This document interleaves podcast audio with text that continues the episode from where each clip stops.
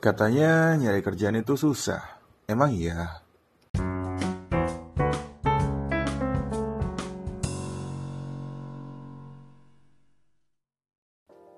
So what's up guys? Nah, eh, selamat datang di podcast gue di radio. Nah sekarang gue mau kasih nih beberapa tips buat kalian semua yang sedang mencari pekerjaan. Bisa kan kalian selalu nanya ke gue nih, uh, gimana sih kak cari kerjaan itu, gimana sih uh, biar nanti waktu interview bisa lolos. Terus ada juga yang nanya kak kenapa kok saya udah mau hampir uh, di interview yang terakhir terus tiba-tiba nggak lolos kayak gitu-gitu. Terus banyak juga yang gue udah share lowongan-lowongan tapi kak ini saya dipanggil tapi saya kok merasa ini aneh gitu ya pekerjaan ini sih jadi bingung gitu. Nah untuk tipsnya nanti ada beberapa tips yang bakal gue kasih ke kalian semua jadi please stay tune sampai selesai.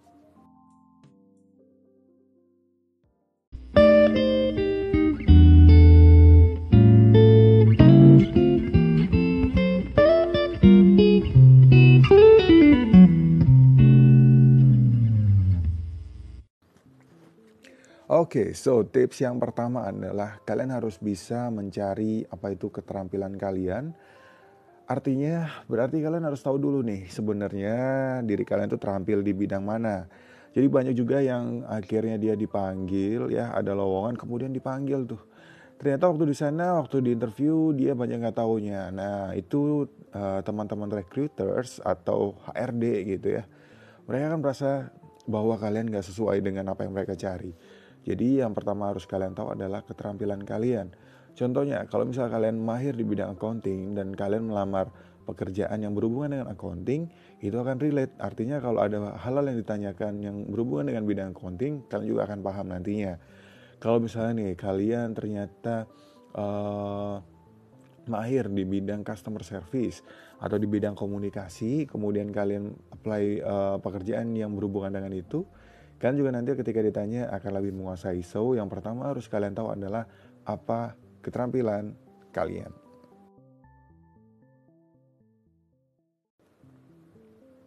Oke, okay, dan tips yang kedua adalah kalian harus mencari atau memiliki jaringan seluas-luasnya, khususnya jaringan dengan perusahaan. Ya, bagaimana kalian bisa tahu di sana ada lowongan kalau kalian nggak punya jaringan dengan perusahaan? Tapi emangnya gampang cari jaringan? Nah ini dia pertanyaannya. Kalau soal mencari jaringan itu, itu nggak semuanya, nggak seperti zaman dulu ya, nggak sesuai dengan tahun-tahun yang dulu-dulu itu ya. Kalau kita nyari jaringan itu susah, minta ampun ya. Kita harus buka koran dulu, kita harus beli yang namanya tabloid dulu untuk bisa menemukan uh, lowongan pekerjaan. Tapi kalau untuk sekarang, kalian bisa gunakan berbagai macam job portal atau online job portal yang bisa bantu kalian untuk mendapatkan pekerjaan. Yang pertama ada uh, misalnya nih, itu ada jobstreet.com.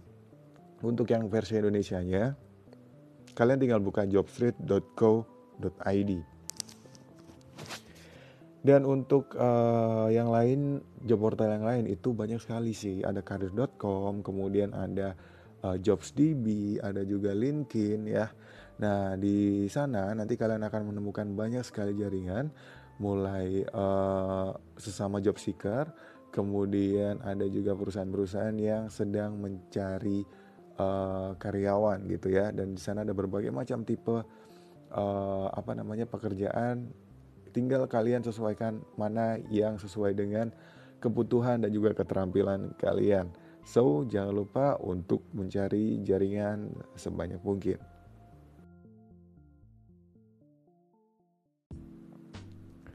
Oke, nah yang ketiga adalah kalian harus bisa memanfaatkan yang namanya smartphone.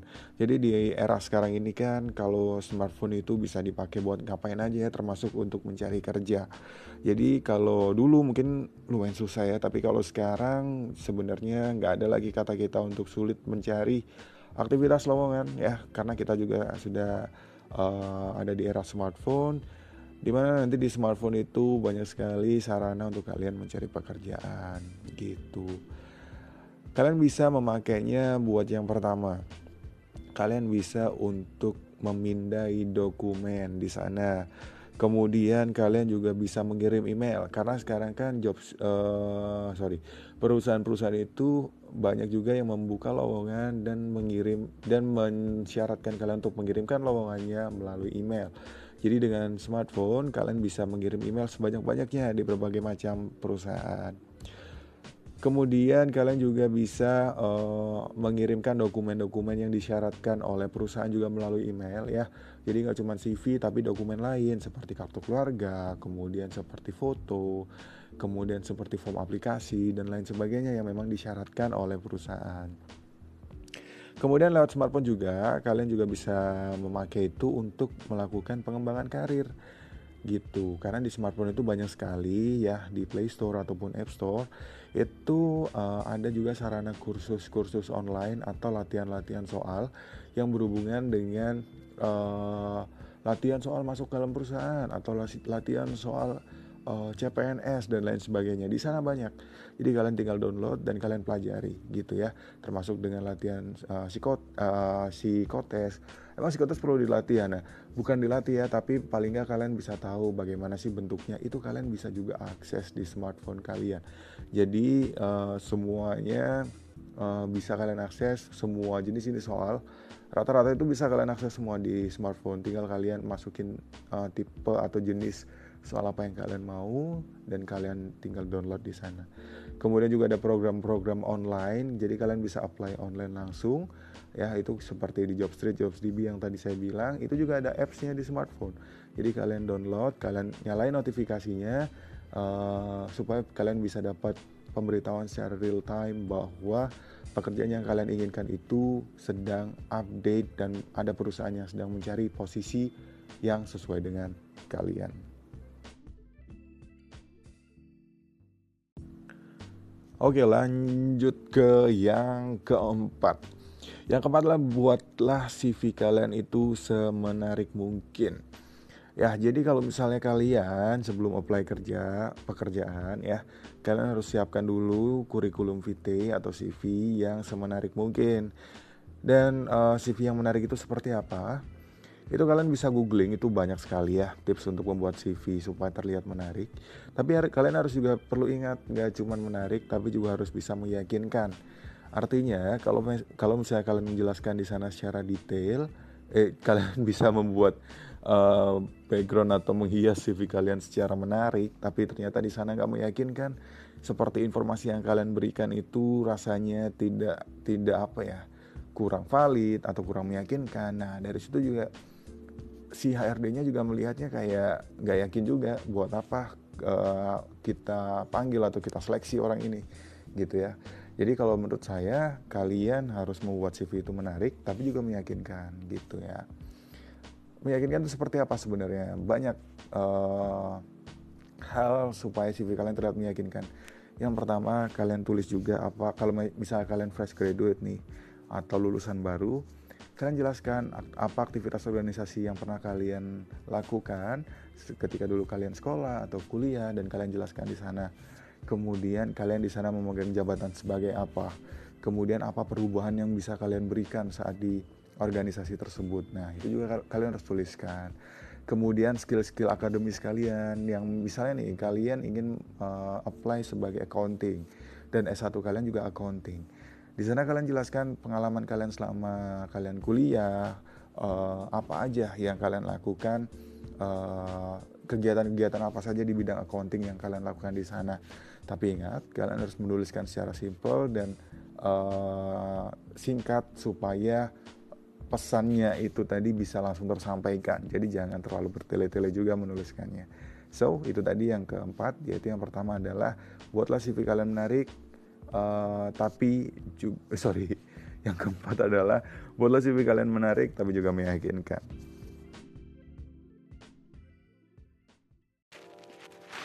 Tips selanjutnya adalah soal pendidikan. Nah, banyak juga ya yang tanya ke saya, Kak, apakah kalau saya nyari pekerjaan itu harus S1? Apakah saya harus S2 gitu ya? Sebenarnya pendidikan tinggi itu nggak selamanya diperlukan, tapi bukan berarti yang punya pendidikan itu tinggi itu kemudian merasa minder gitu ya. buat apa gue kuliah S1 gitu ya kalau misalnya yang SMA itu bisa dapat pekerjaan.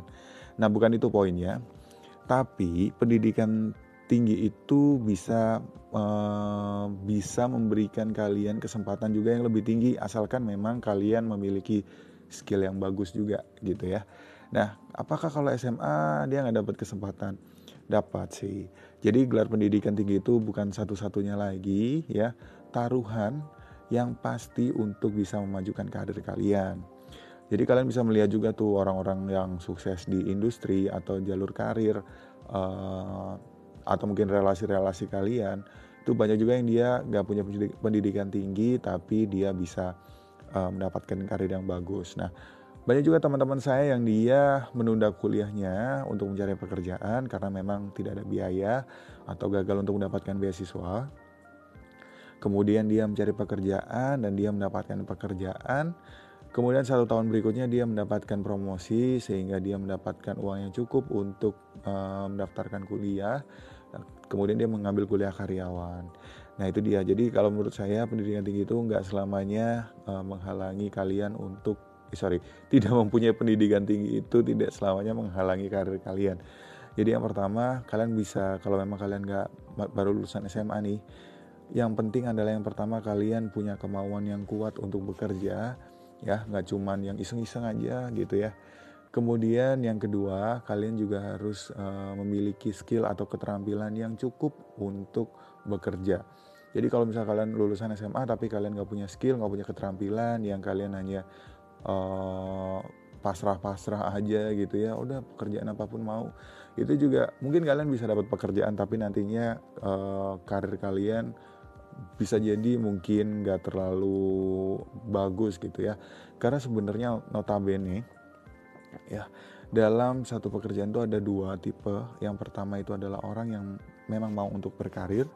Kalau berkarir itu artinya dia berusaha untuk mencapai uh, posisi-posisi uh, yang lebih bagus atau lebih baik lagi atau dia mencari perusahaan-perusahaan yang memang menawarkan jenjang karir yang bagus atau yang kedua adalah orang yang memang hanya ingin bekerja saja. Pokoknya saya kerja, pokoknya saya dapat uang. Nah gitu ya. Jadi kalian harus uh, benar-benar konsisten dulu dengan prinsip kalian.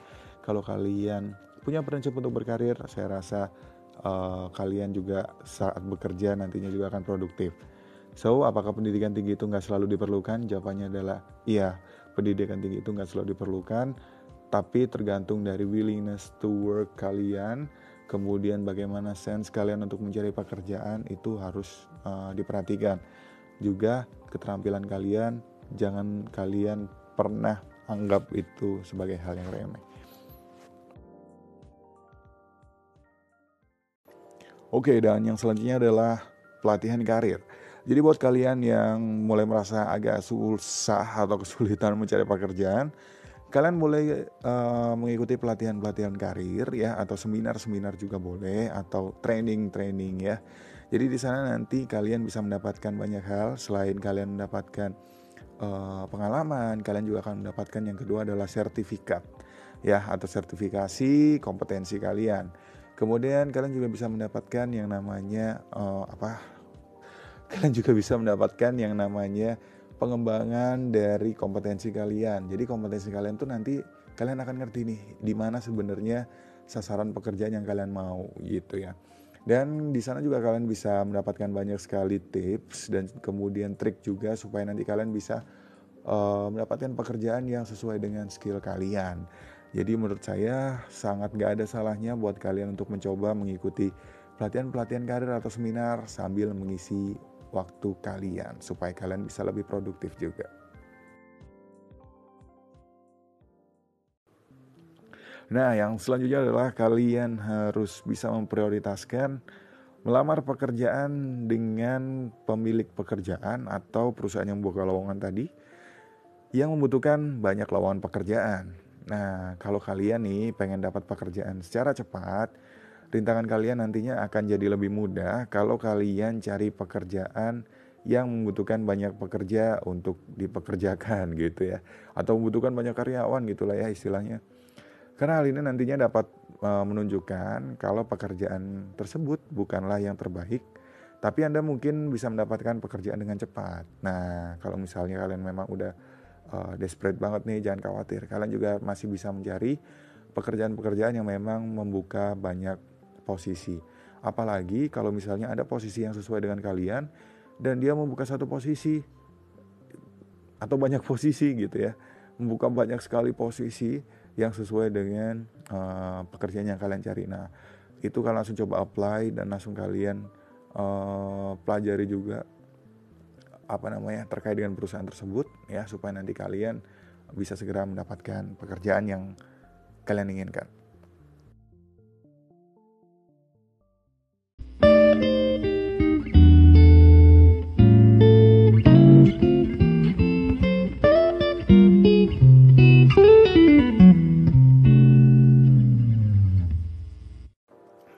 Nah setelah kalian ternyata mendapatkan panggilan interview, apa nih yang harus kalian lakukan?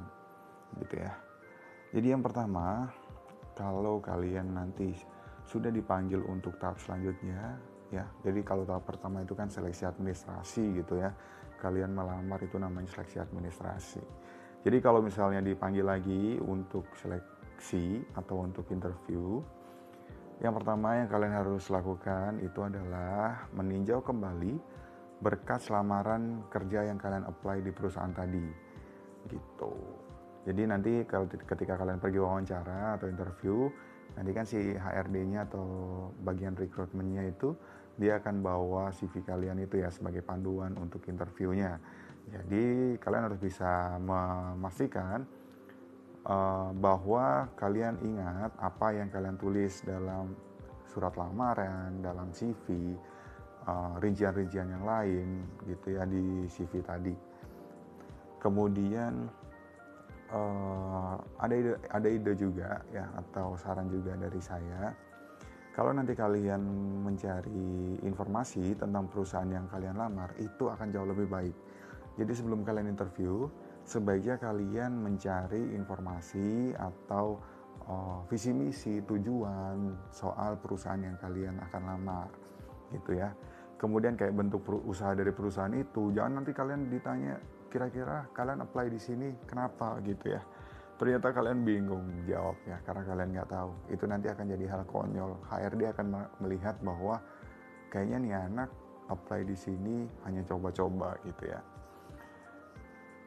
Kebet kebetulan lagi ya. Kemudian uh, kalian juga perlu mencatat aspek-aspek kepribadian dan pengalaman kerja apa yang pernah kalian alami ya.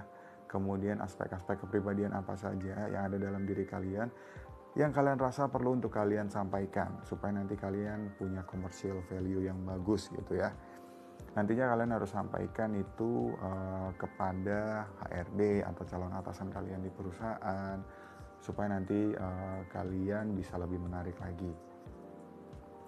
Contohnya nih, misalnya kalian bisa mencantumkan kemampuan pribadi, etos kerja, disiplin, kemudian kalian terampil dalam bidang pekerjaan tersebut.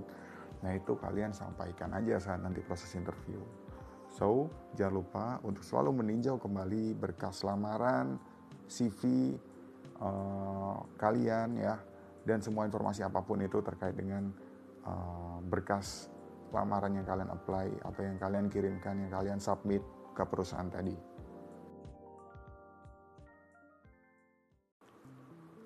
Yang selanjutnya, kalau misalnya kalian mendapatkan panggilan interview dan kalian merasa tidak pede malam sebelumnya atau sehari sebelumnya, sempatkanlah untuk melatih diri kalian menjawab pertanyaan saat wawancara. Misalnya nih, uh, kalian cukup gugup dalam melakukan wawancara atau interview, kalian bisa juga melatih diri kalian depan kaca atau mungkin saat kalian sedang santai ya, kalian latih uh, cara menjawab pertanyaan-pertanyaan dari rekan-rekan recruiters uh, atau HRD. Karena uh, biasanya tuh wawancara itu punya dua tipe pertanyaan yang berbeda, yaitu pertanyaan masalah teknis dan pertanyaan-pertanyaan dari HRD ya. Itu hubungannya biasanya latar uh, terkait latar belakang kalian, kemudian kepribadian kalian juga dan lain sebagainya. Nah, pertanyaan teknis itu nantinya akan mengukur apakah kalian tahu cara kerja pekerjaan yang Anda lamar tadi gitu ya misal kalian nanti akan melamar satu pekerjaan yang berhubungan dengan apa nih misalnya uh, katakanlah pekerjaan ini berhubungan dengan uh, akun accounting lagi aja ya accounting gitu ya. Ternyata kalian nggak punya skill accounting dan kalian nggak tahu sama sekali tentang accounting. Nah itu akan membuat kalian uh, memiliki nilai jual yang semakin rendah gitu ya kalau misalnya nih kalian apply di bidang engineering, nah kalian juga harus bisa tahu atau mengetahui basic-basicnya atau apa yang ingin kalian jelaskan di sana, teknis-teknisnya seperti apa gitu.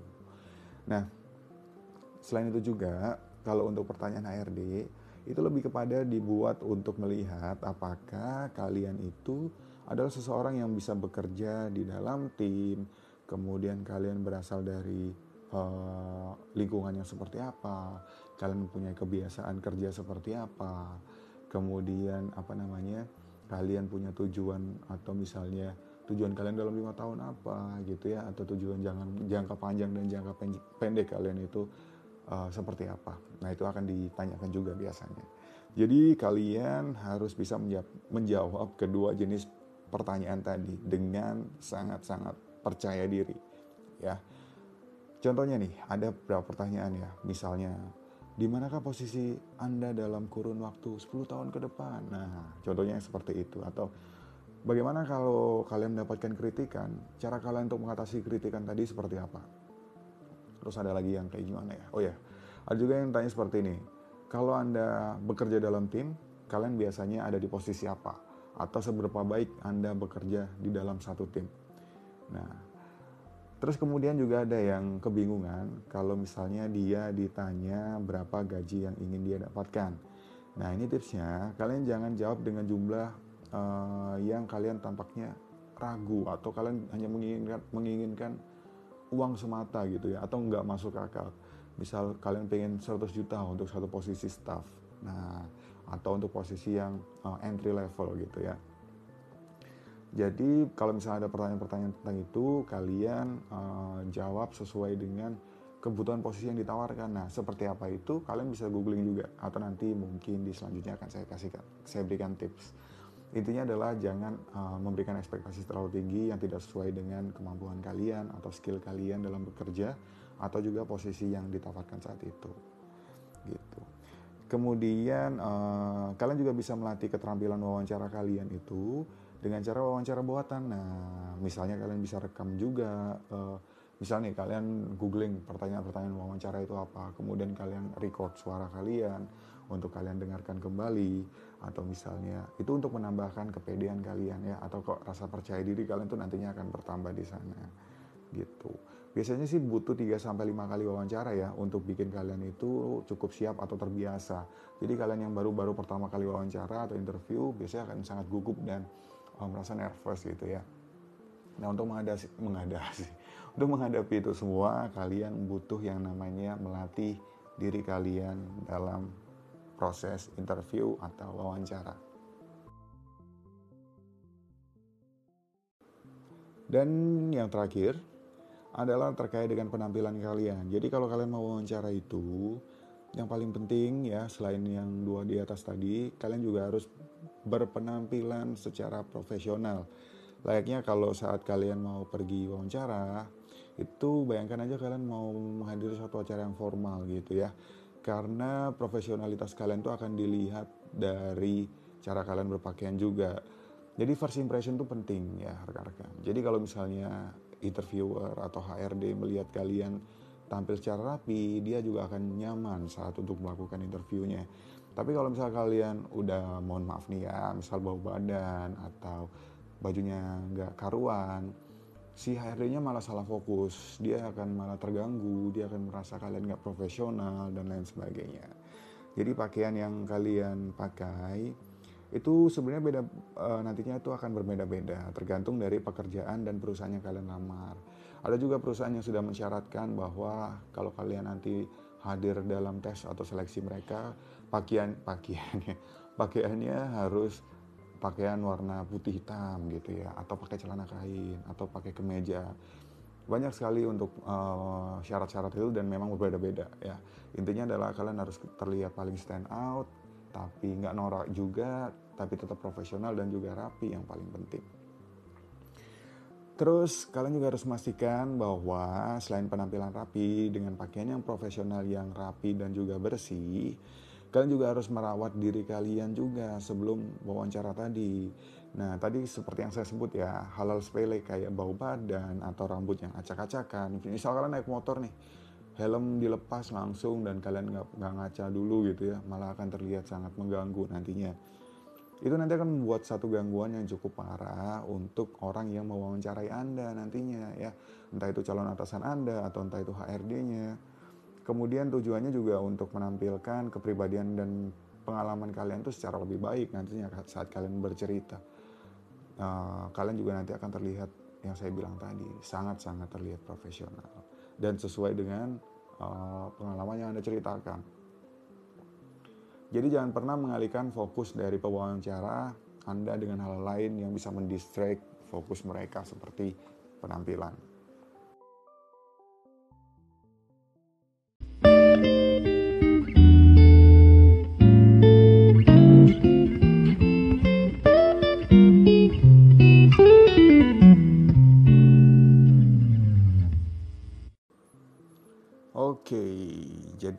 Tadi beberapa tips yang saya sampaikan di podcast kali ini. Tapi saya juga mau sampaikan pesan, apabila kalian memang merasa sangat tertekan uh, ketika wawancara itu sedang akan berlangsung atau selesai berlangsung, sebenarnya itu semua adalah hal yang lumrah. Jadi kalau kalian sudah melakukan wawancara dan juga belum diterima, ingat jangan pernah menyerah tapi wajar aja kalau nanti setelah kalian tidak diterima, diumumkan tidak terima, pasti ada rasa kecewa dalam diri kalian. Jadi kalian perlu istirahat ya untuk seharian, untuk melakukan pemulihan. Dan juga kalian juga harus perlu melupakan yang sudah terjadi tadi ya atau kemarin saat interview. Dan kalian bisa mulai kembali dengan cara uh, apply di lowongan yang lain lagi atau kalian mencari kesempatan yang baru lagi. Jadi satu kesempatan tertutup, pintu kesempatan yang lain pasti akan terbuka, ya. Kalian juga dapat ber, kalian hanya dapat berhasil dalam mencari pekerjaan jika kalian nantinya tetap berusaha, ya. Nggak yang merasa males, nggak merasa yang kurang informasi, atau terus mengeluh, atau terus menyerah, itu nanti akan memperburuk keadaan. Dan kalian juga harus terus meningkatkan skill dan juga kemampuan kalian.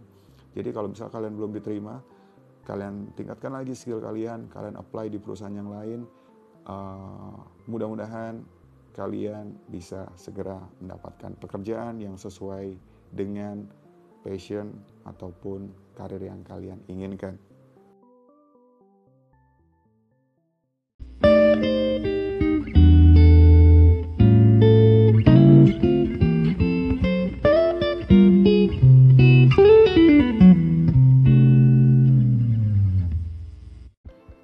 Oke, okay, so sekian untuk podcast kali ini ya. Uh, jadi buat kalian yang sedang mencari pekerjaan saat ini, mudah-mudahan uh, tips dan saran yang saya berikan tadi bisa berguna dan mudah-mudahan kalian bisa segera mendapatkan pekerjaan yang kalian inginkan. Uh, buat kalian juga yang mau memberikan saran, kritik ataupun masukan tema apa yang nantinya akan dibahas di next podcast, podcast-podcast yang selanjutnya, kira-kira kita enaknya mendiskusikan apa ya? Nah, kalian bisa mention saya di Twitter at nrsray atau juga di Instagram saya di nrsray. Sekian dulu uh, podcast kita kali ini. Semoga kalian selalu uh, sukses dan jangan lupa juga untuk selalu menjaga kesehatan kalian. Terima kasih dan sampai berjumpa di podcast yang selanjutnya.